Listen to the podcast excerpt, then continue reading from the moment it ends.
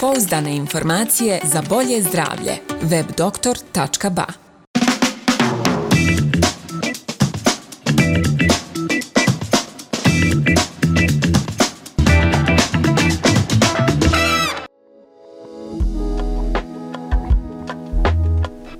Pozdrav svima i dobrodošli u novu epizodu Anamneze po prvi put u Tuzli. Nalazimo se u Međunarodnoj galeriji portreta pri Centru za kulturu Tuzla, te im se ovom prilikom zahvaljujemo na gostoprimstvu, ali i tehničkoj podršci od Kaskader Production. Naš rad možete pratiti putem profila na Facebooku, Instagramu, ali i preko platformi Spotify, Google Podcast, Apple Podcast i Patreon. Te linkove ostavljamo u opisu videozapisa. U nastavku predstavljamo rubriku Kutak za historijski trenutak – koji vodi kolegica Irma Efendić, a uređuju Melisa Muratović i Maida Čehaja. Pa pogledajmo. Hvala Sanja za Dobro Dobrodošli u kutak za historijski trenutak. Kroz vijekove možemo vidjeti da su ljudi uvijek nalazili način da se izbore sa nevoljama. Poznata nam je činjenica da je Edward Jenner prvi izvršio vakcinaciju protiv velikih boginja i to 1796. godine ali da li znate da je vakcinacija postojala i hiljadu godina ranije? Naime, stare civilizacije Azije primjenjivale su metodu inokulacije. Naprimjer, u Kini su putem metalne cjevčice upuhivali usitnjene promjene sa kože oboljelog, a u Indiji sadržaj iz takvih promjena ubrzgavali su ispod nivoa kože. Ove metode zaštite protiv velikih boginja praktikovane su u Egiptu tijekom 13. stoljeća i u Africi tijekom 17. stoljeća. Zadnja zabilježena infekcija vakcinija virusom bila je 1977. godine. Vir sada postoji samo u dobro zaštićenim laboratorijima u Americi i Rusiji. Izgleda da se savjet, davno upućen Edwardu Jenneru, isplatio. Ne misli, pokušaj. Da li ste znali da je prva u laboratoriji proizvedena vakcina bila za životinje? Nama dobro poznati Louis Pasteur Slučajno je primijetio da prilikom umrzgavanja starijih bakterija, a pri tome one su bile i oslabljene određenim životinjama, dolazi do sporog razvoja bolesti. Nakon toga, ubrizgao je svježe bakterije i zaraza se nije ispoljila. Takvu ideju o oslabljenim patogenima iskoristio je u pripremi vakcine protiv antraksa i bjesnoći, a danas se e, oslobljeni patogeni koristi kod pripreme BCG vakcine i MMR vakcine. Čini se da nam je danas potrebno više slučajnosti kakve je imao Louis Pasteur. Često se postavlja pitanje da li bi vakcinacija trebala biti zakonski obavezna. Navešćemo jedan primjer. Podatak da je dakle nakon što je zakon o vakcinaciji i revakcinaciji protiv boginja stupio na snagu 1884. godine, E, Naredni decenija stopa umrlih od ovog oboljenja je bila u rapidnom padu. Godišnja stopa umrlih u Prusiji, dakle između 1875. i 1886. godine na 100.000 stanovnika iznosila je svega 1,91% na 100.000 stanovnika. Dok za razliku dakle, u Austriji gdje vakcinacija u tom periodu nije bila obavezna, stopa umrlih na 100.000 stanovnika iznosila je 39,28 do 94,7%. Stoga, koji je vaš odgovor? Da li ste znali da je prva licencirana vakcina bila protiv rubeli? Godinu dana kasnije licencirana je vakcina protiv morbila, mumpsa i rubeli, zajedničkim nazvom MMR vakcina. Ova vakcina našla se na meti kada je britanski naučnik izdao rad gdje je povezao ovu vakcinu sa nastankom autizma. Nakon toga uslijedila su brojna epidemiološka istraživanja kojim je dokazano da su podaci koje je predstavio britanski naučnik bili neistini. Stoga, e, britanskom naučniku se danas zabranjuje praksa medicine u Britaniji. Nesretna je činjenica da se autizam ispoljava u isto vrijeme kada se i djeca cijepi MMR vakcinom. Da je MMR vakcina pouzdana i efikasna dokazuje činjenica da se od 2000. do 2014. godine stopa pojave ospica smanjila za čak 79%. Također, jedna od najstarijih bolesti na svijetu bjesnoća koju uzrokuje liza virus koji i dovodi dakle do teške upale mozga, bez cijepljenja smrtnost bi bila preko 99%. Prvo cijepivo razvijeno je 1885. godine i aplicira se prije ili neposredno nakon kontakta sa virusom. Vakcinacija prevenira čak 2,5 milijuna smrti godišnje, a važnost isti shvatit ćemo prije ili kasnije tijekom ove pandemije. I za kraj, jedno pitanje. Da li vas ohrabruje činjenica da je vakcinacijom spašeno više života nego bilo kojom drugom intervencijom u historiji medicine? Stoga, ne čekajte, pazite na svoje zdravlje, oslonite se na vjerodostojnost medicine i vakcinišite se, jer krenuši od sebe, istovremeno spašavamo i druge. Zato budimo hrabri i učinimo korak više.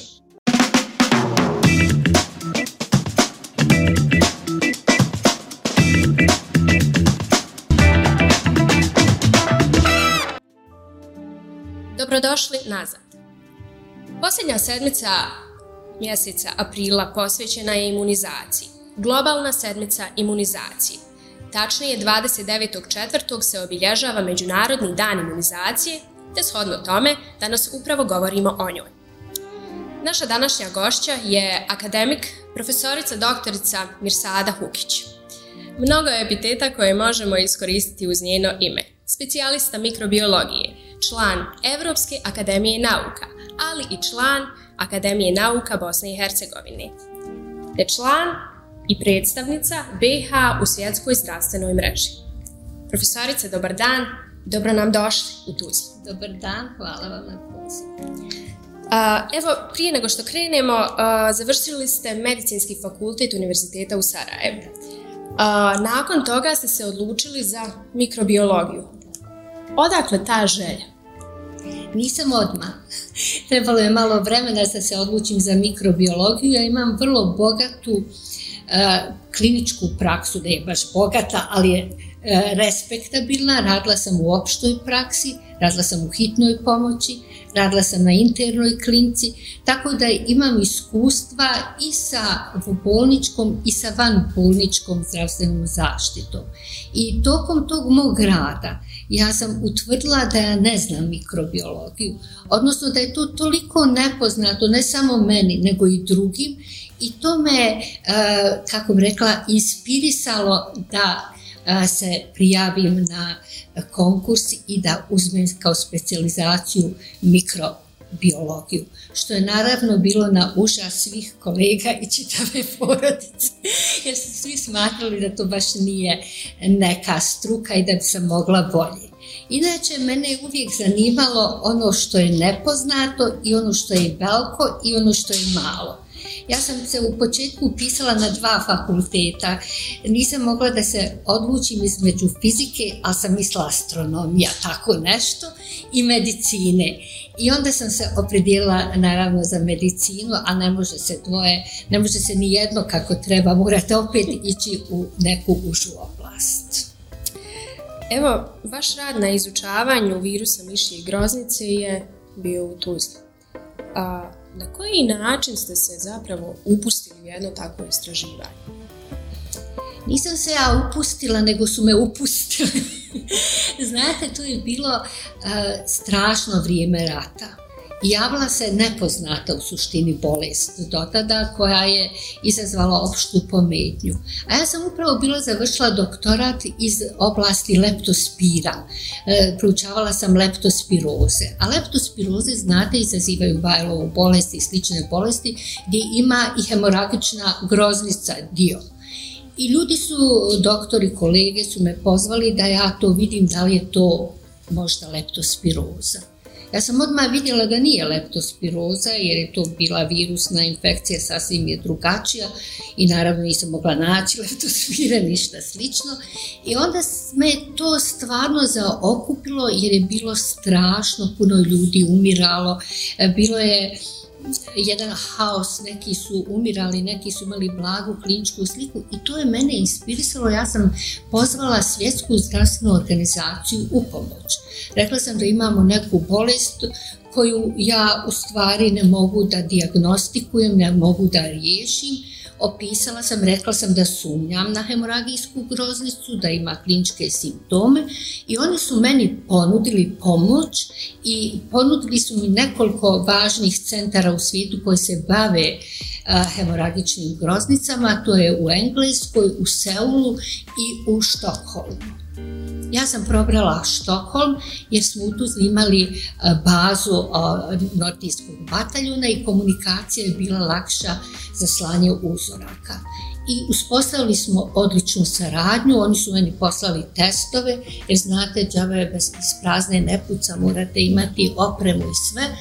I onda sam ja krenula i stalno se razvijale nove ideje, onda sam mislila nije dovoljna ta serologija da se potvrdi, zašto mi ne bi to malo dublje, onda sam krenula u lov na mišelje i postala najpoznatiji lovac na miševe u regionu. 850 miševa sam ufatila u šumi što je stvarno veliki broj i uspjela sam iz toga u stvari da napravim dobro čitavoj zajednici, izolovali smo virus.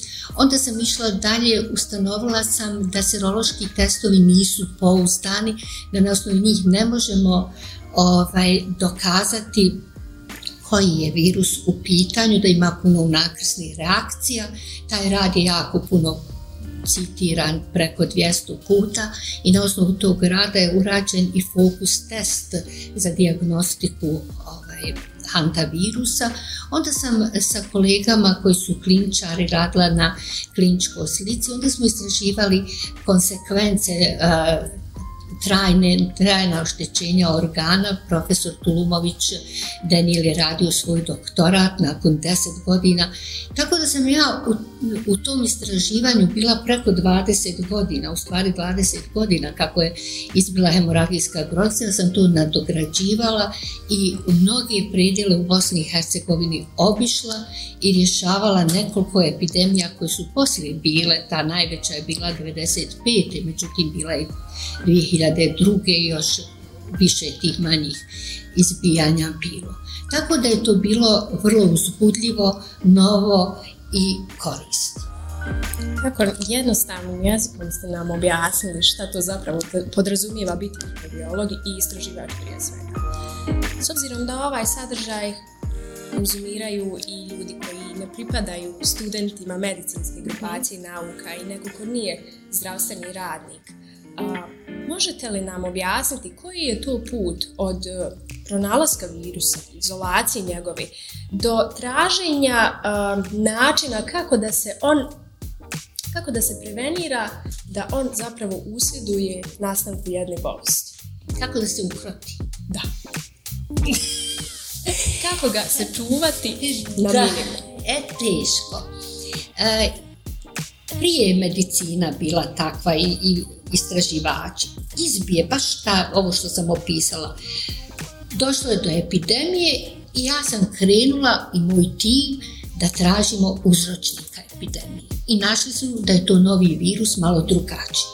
Prije dvije godine otišla sam ničim zvana u Hercegovinu jer sam vidjela da imaju e, dosta nejasni febrilnih stanja i nešto sam posumnjala, možda oni imaju puno ni mušica, e, papatači, da vidim da nije možda neki od papatači i nafatala sam ja tih mušica u priči, pravili smo zamke i sa studentima sam fatali smo te mušice i onda smo ih, pošto su drugi studenti tu koji ne razumiju molekularne, uspjeli da izolujemo genom, da izanaliziramo i utvrdila sam da tu postoji jedan sasvim novi virus.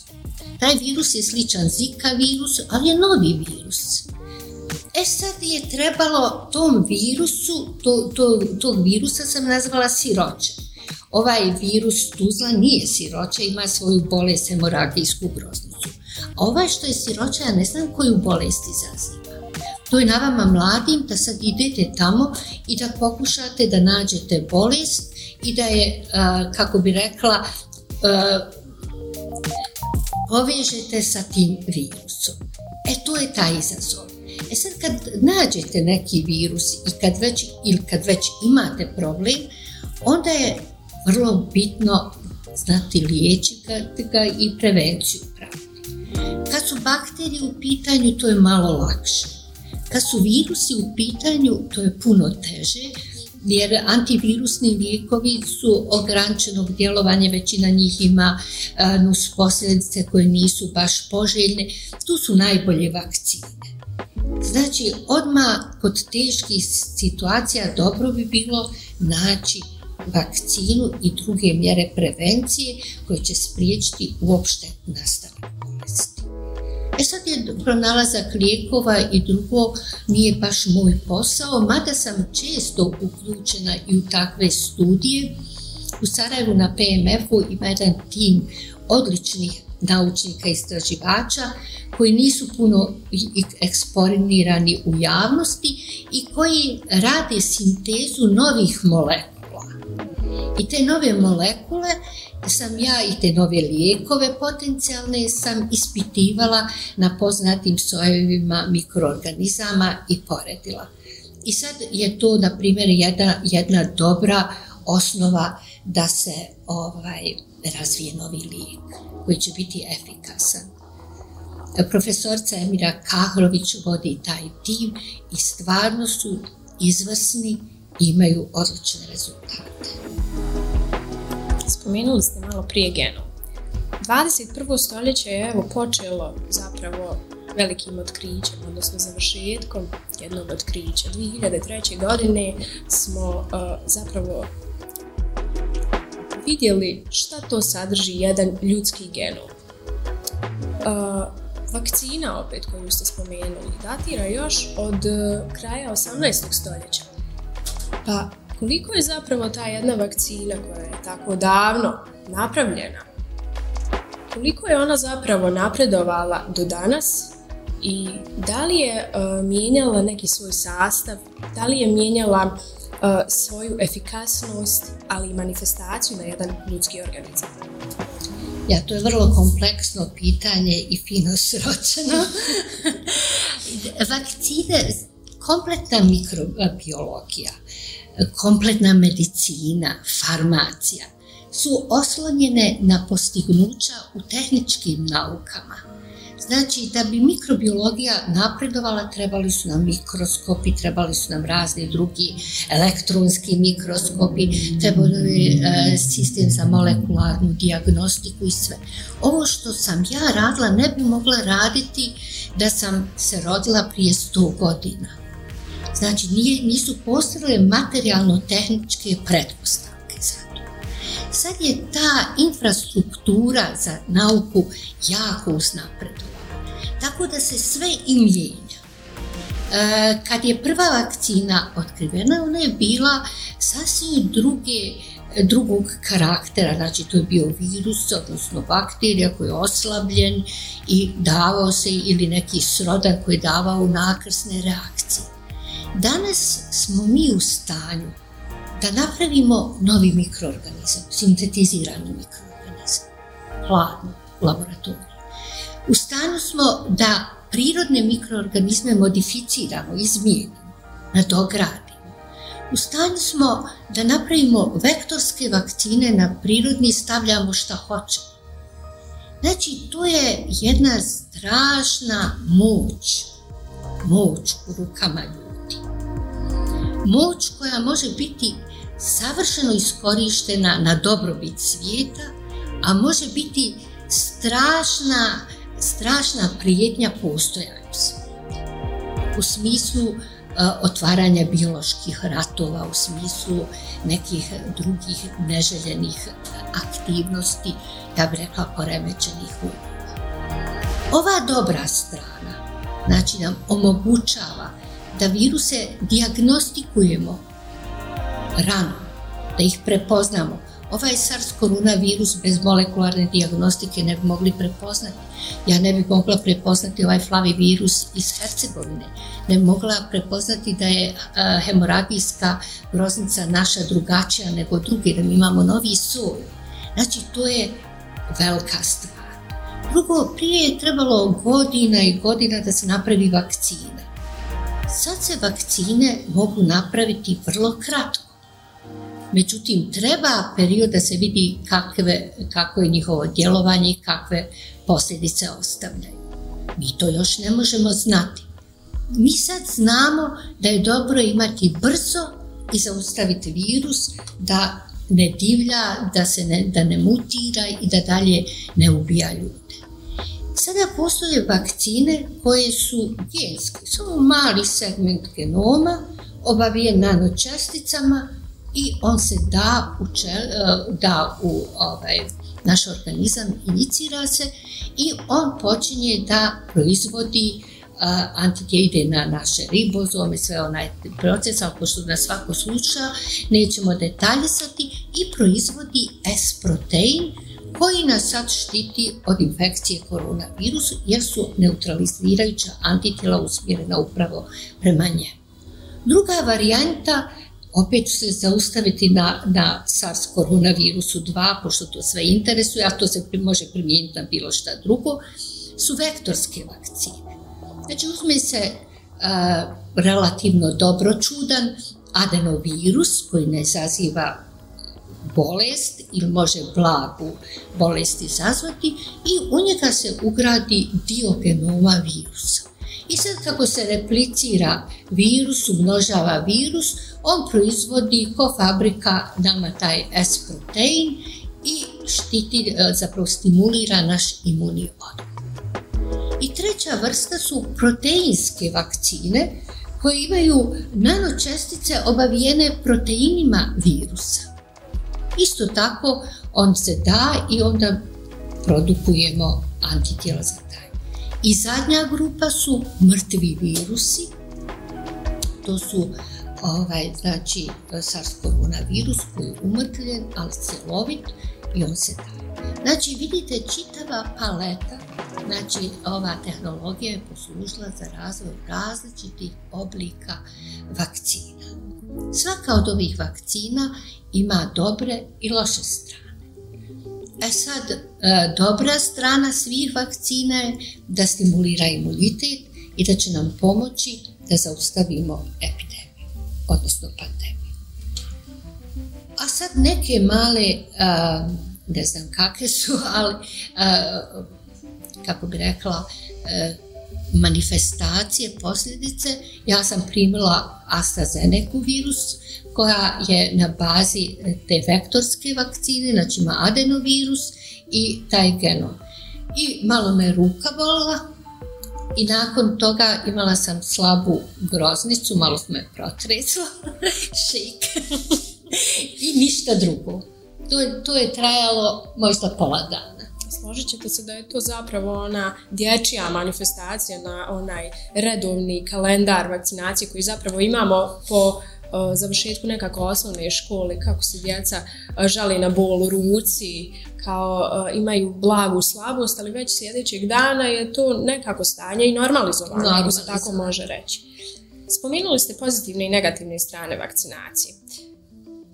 S obzirom da u današnjem vremenu svako ima pristup internetu i da je dosta tog sadržaja na jednom mjestu i svako ga konzumira, možete li nam reći kako je zapravo taj jedan internet, svijet, svega utjecao na vakcinaciju uopšte populaciji, djeci jer imamo dosta roditelja koji su zabrinuti. E, žele da znaju šta sadrži ta vakcina, kako će se manifestovati. Onda su od nekog čuli da ta vakcina je zapravo imala suprotan efekat na njihovo dijete.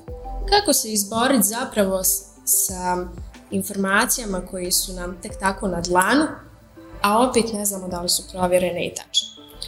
Uglavnom budu netačne iz mog iskustva. Ja sam imala u Zagrebu jedno predavanje na tu temu, to je bilo prije par godina, radilo se o bioterorizmu. Pošto sam uključena u zaštitu od bioterorizma i u tom svjetskom sam forumu, imali smo taj sastanak i taj antivakcinalni pokret u tom momentu mogao je djelovati i kao, kao neprijateljski čin jer vi sad djelujete tako da ljudima onemoguće, zapravo odvraćate ih od zaštite. Mi smo, možete na internetu provjerite me, PubMed e, ili bilo gdje, ja sam puno radova publikovala na e, temu epidemija koje su nastale zbog nevakcinisanosti, measles, ovaj krzamak, pa rubeola, pa ova zaušnjaci i tako dalje gdje sam imala mlade majke koje su morale pobačaj da naprave, jer su dobile rubeolu u nevakat, tako bi rekla u početku trudoće. Bile su, bili su momci koji su imali teške orhitise i koji su vjerovatno njihova reproduktivna moć je smanjena ili uništena. Bili su ljudi koji su e, različite druge probleme i komplikacije od smo imali nekoliko encefalitisa, upale mozga gdje su djeca i umirala. To su strašne posljedice o kojim ljudi ne pišu na internetu. Moje dijete nije vakcinsa, nisam dozvolila i moje dijete je umrlo. Neće to vam niko napisati. Nego će napisati, moje dijete je nešto imalo temperaturu, pa je ovo... Ja se osipam od tih priča, vjerujte mi. E, ja poznajem i period prije antivakcinalnog i sad na, na moju radost. imam, imam dugo. I prije je obavezna vakcina bila i možeš da misliš šta hoćeš, ali dijete mora biti vakcinisano, mi smo eradicirali sve te bolesti. Zgrozila sam se prije nekoliko godina kad su nas proglasili zemlju opasnom za pojavu dječje paralize jer je vakcinisanost spala na vrlo, vrlo nizak nivo protiv poliomijelita. I šta mislite kako objasniti djetetu da ne može da hoda i da niste dozvolili da bude vakcinisan i zaštićen? Ja mislim ti roditelji mogu se samo, ne znam šta s njima može biti. Mislim da je to vrlo važno da znaju da e, posljedice nakon vakcinacije, ja neću reći da ne, Nekad se javi temperatura, nekad neki drugi. Ali dijete treba prethodno da bude zdravo. Vi znate, medicinari znaju procese interferencije, slaganja drugih mikroorganizama. Znači, ako je neko ima drugu bolest, da može to da pogorša. Isto tako može biti u fazi inkubacije, pa mu date vakcinom, dobije bolest Upravo se tu desilo mojoj prijateljci, prijateljci moje kćerke, njena kćerka vakcinsana i dobila ovaj ospit. I sreća moja, izolujem taj virus i kad smo ga gledali nije bio vakcinalni, nego je bio taj e, kako to community, e, iz, iz sredine iz koje je dijete došlo. Znači, to je ono pravo. Zato je svim roditeljima govorim vakcinišite svoju djecu. Nemojte dozvoliti da se razboli u prvom redu. Djeca su naša, ali nisu naša. Čim ga rodimo, kaže, naša su djeca odapete strijele, čim ga rodite, ono ode svojim putem i treba ga pustiti na taj put spremnog. Kasnije dođu e, mlade osobe ko što ste vi, dobili su posao u nekoj međunarodnoj organizaciji, ne mogu, nemaju vakcinalnom kartonu. Molim da se vakcinišu. Mogu vas ja sa, ja mogu samo vam reći da nemate antitijela ili da imate antitijela. Treba ih osposobiti za život i zaštititi koliko je to moguće dok se mi o njima brinemo. A kasnije on ne krade šta hoće. Da, upravo su neke vakcine zapravo ispriječila neke ah, iz prošlosti jako ozbiljne bolesti. Da. Ali treba to još, mislim, vremena proći da mi sažvačemo upravo tu činjenicu. Ne, mi moramo to hitno da žvačemo i da gutamo i ne sažvakano. Jer vidite kakva je situacija, koliko je ljudi obalo, koliko je miliona umrlo. Ne možemo se mi igrati. Meni je umro Amića, umro mi Dajđić, umrlo mi prijatelja, čitav kolega mi umrlo, koji su na prvoj liniji, koji, koji rade dijagnostiku i liječe. Pa izvinite, ne imamo mi vremena e, čeka da neko filozofira da to nije dobro ili da je to dobro. Mi ne možemo, mi tek kad nekom neko umre ili kad se lično teško razboli, on kaže nisam znao da je to stvarno tako, ja sam bio protiv toga. Ali kad prođe taj pakleni put, onda promijeni više. Lično iskustvo je u stvari lično, najteže lično, ali ne znam zašto smo takvi da sve hoćemo lično da pruđemo. Treba nekad i poslušati. Treba nekad i okolo sebe pogledati i reći aha, dobro je, dajte da ovo zaustavimo, dajte da krenemo, dajte da odem, da mi sa mojim unucima, s djecom, da odem negdje, da zagrlim prijatelja, ne mogu ja već, kaže vam, to mi je to. Pa sam nekad možda i ovaj, ljuta i e, ja nije to u mom stilu, nije mom karakteru da, da budem ovaj, ekspozivno, nekad baš puknem kad, kad me neko počne mučiti zbog takvih nekih mišljenja. Ne, ne razumiju e, patologiju, patofiziologiju, imunologiju, šta se unutra dešava, zašto je to tako. To je ono i u istraživaču najvažnije, ta radoznalost, ono, da vidiš zašto je to, zašto je ovaj probeta pocrvenila, ova nije. To vas vuče naprijed. I moramo raditi na tome i educirati. Ja mislim, edukacija je ključ svega. Kad ljudi shvate od škole, osnovne škole, od obdaništa, prije sam ja radila i na tom dok sam bila malo ambicioznija, pa smo neke preko svjetske zdravstvene crtane filmove pa da djeca rade.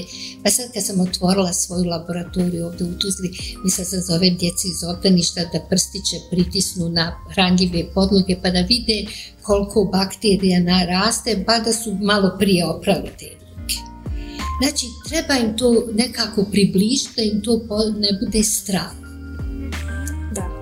nikad nisu dovoljno čiste da, da ih ne bismo ponovo pravili. Pere ruke spasi život, to je pokret jednog svjetske zdravstvene organizacije. A, na početku smo govorili kolika je zapravo trenutna moć čovjeka da modifikuje, ali stvori virus.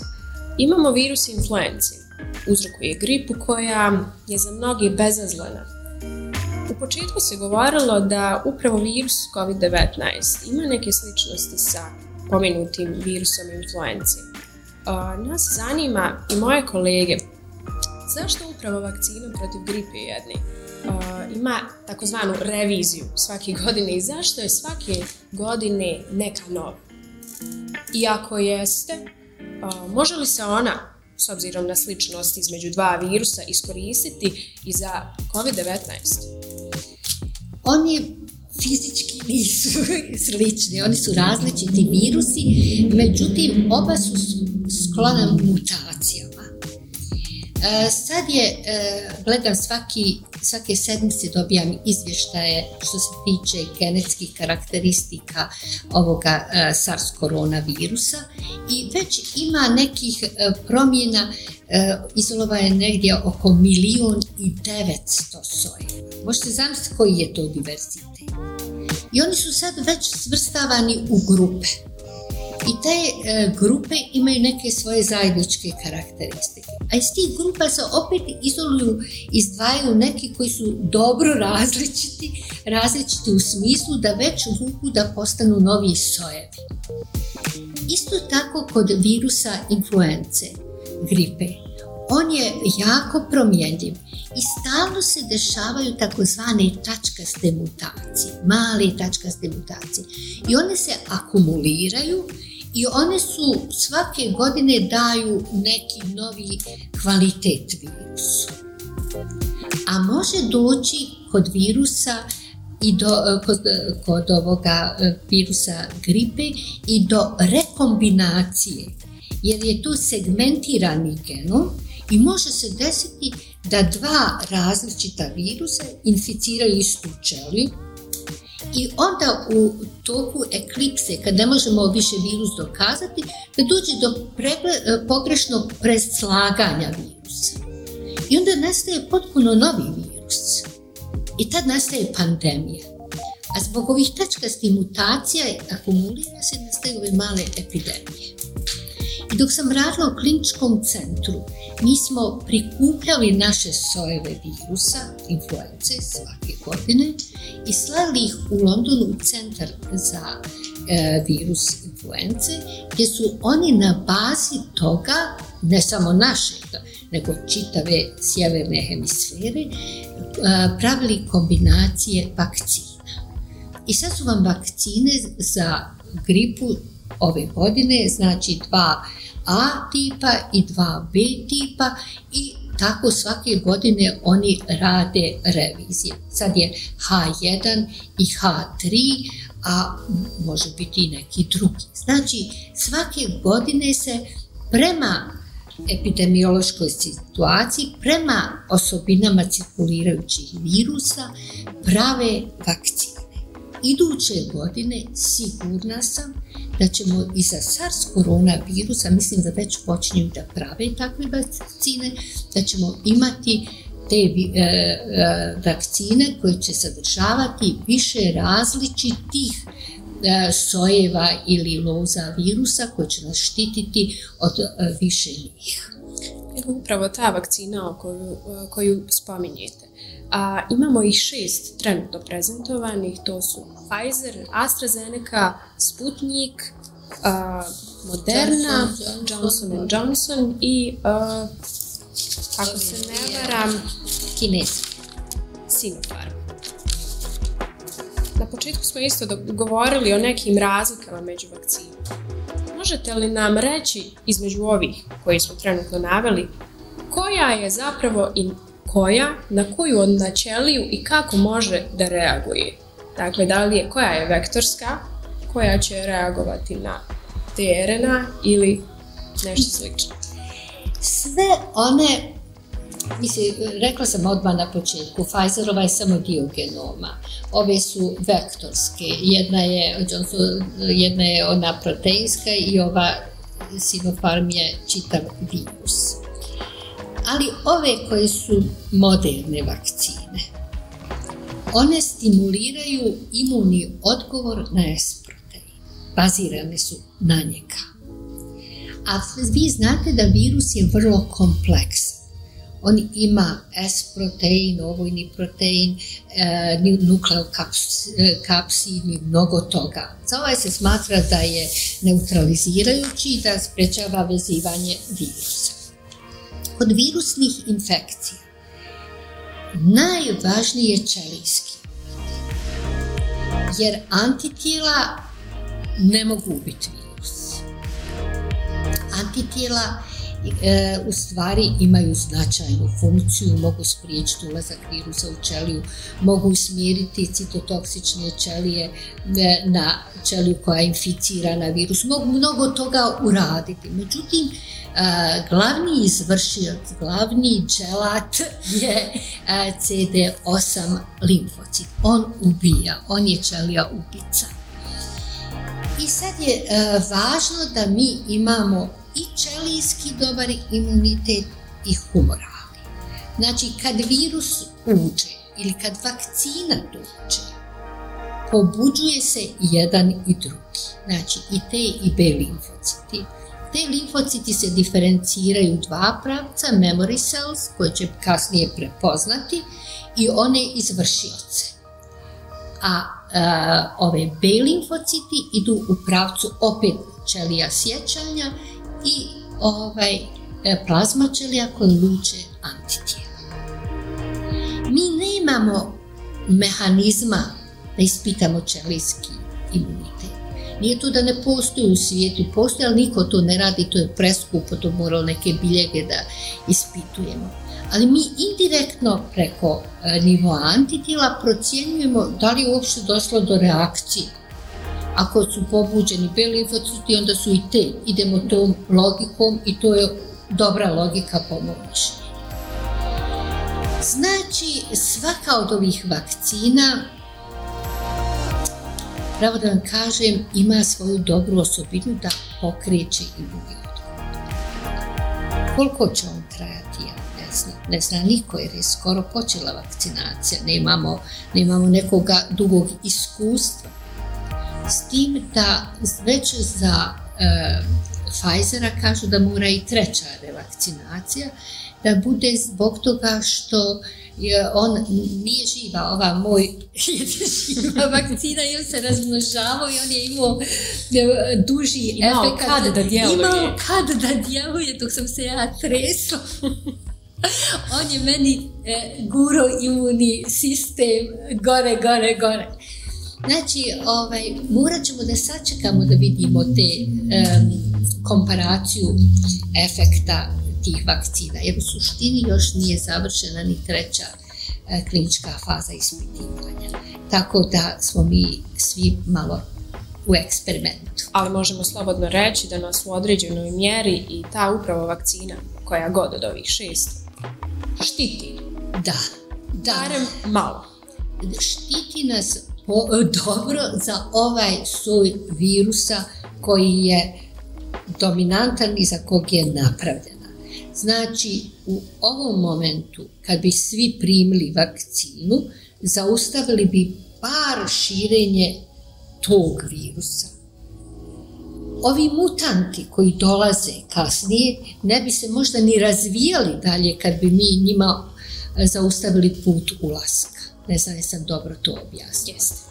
Znači, sada da ga zaustavimo, da smo mi budu imali na samom početku vakcinu, ne bi do ovoga ni došlo. Ne bi bilo milion i nešto različitih e, sojeva virusa, nego bi to bilo odmah zaustavljeno. On je imao godinu dana da se razvija, da uživa kako hoće. Vi znate da je vrijeme generacije virusa sad, ništa začas i, i milioni izlaze, milioni izlaze i među tim milionima uvijek ima neki koji je ovaj, e, sposobniji od drugih koji će se izdvojiti i, nastaviti da se razvija dalje i da, napada drugi. Ali evo u slučaju i da imuniziramo većinu stanovništva, da li bi onda bila potrebna i sama revakcinacija? treba i revakcinacija. Sad smo rekli da ta, taj virus je, ne virus, nego vakcina, ima jedan segment i e, uvijek u vakcina, vakcinama je potrebna i ta dodatna pojačivač doza koja će pojačati to djelovanje jer nije dovoljna samo jedna za vakcinu. Međutim, šta mene ljudi pitaju često? a ja sam mimo svijet, ja malo drugčije razmišljam. Ljudi koji su preboljeli ovu koronu, oni su zbilja moćno imunizirani. Moćno su imunizirani jer su, se, jer je savladali. Znači i čelijski i humoralni imunitet im je a, razvijen. E sad, da li oni trebaju da budu vakcinisani? i ako trebaju, kada. E sad, u svijetu oni redom sve vakcinišu. Znači, čim preboliš, oni vas opet vakcinišu i revakcinišu. U našoj, našoj e, situaciji, ja mislim da oni koji su tek preboljeli, koji imaju visak titar antitijela, ne trebaju u prvom krugu da se vakcinišu. Ne šest mjeseci treba makar to vremena da prouči, da ne idemo odmah, da ne stvaramo imune komplekse. Ali to je moje izdvojeno mišljenje, to je samo moje mišljenje. Tako da... Ali mi vama i vjerujemo, vama i vašem mišljenju. Ja kažem ono što, što ja mislim, nešto čitam u literaturi, jer kada razmišljam, eh, ako ste preboljeli, ako ste stimulirali imunni odgovor, ako smo sve to prošli, znači savladali ste infekciju, imate, šest mjeseci će vas sigurno štititi. Kasnije oslabi svaki imunitet, oslabi, ali klinička slika je uvijek plaša poslije. Poslije toga možete da se eh, eh, revakcinišete, pogotovo ako bude još nova vakcina tom novom ali u svakom slučaju sad bi trebali svi koji mogu da se vakcinišu, koji nisu bolesni, koji nemaju antitijela, koji nisu bili u kontaktu s virusom, da se vakcinišu. Evo i mimo koronavirusa, mislim da ćete se složiti sa, pa mnogi je smatraju floskulom, ali volite, pazite i imunizirajte. Definitivno tako ako ja vas volim, a vi ne možete da se vakcinišete, ste mali ili imate neku, ne daj Bože, bolest, ja ću se vakcinisati i zaštitit ću i sačuvat ću vas. I nikad se svi ne možemo vakcinisati. A toliko je tih ljudi koji se ne mogu vakcinisati zbog drugih bolesti i naša obaveza je ne samo sebe da zaštitimo, nego da zaštitimo da ih ogradimo živim zidom i da do njih ne možemo i svi koji se vakcinišu i svi koji prebole nekako bolest, ne mora doći do serokonverzije. Neko jednostavno ima tako slab imunološki sistem da ne može da odgovori. Ne može da odgovori. I njih treba isto zaštiti. Tako da vaša rečenica je divna. Hvala vam. E, hvala vam, profesorice. Hvala vam na izdvojenom vremenu volji i želji da podijelite s nama evo, dijelić svog znanja. Uh, Gledaocima se zahvaljujemo na praćenju našeg programa i ostajte zdravom i sigurno.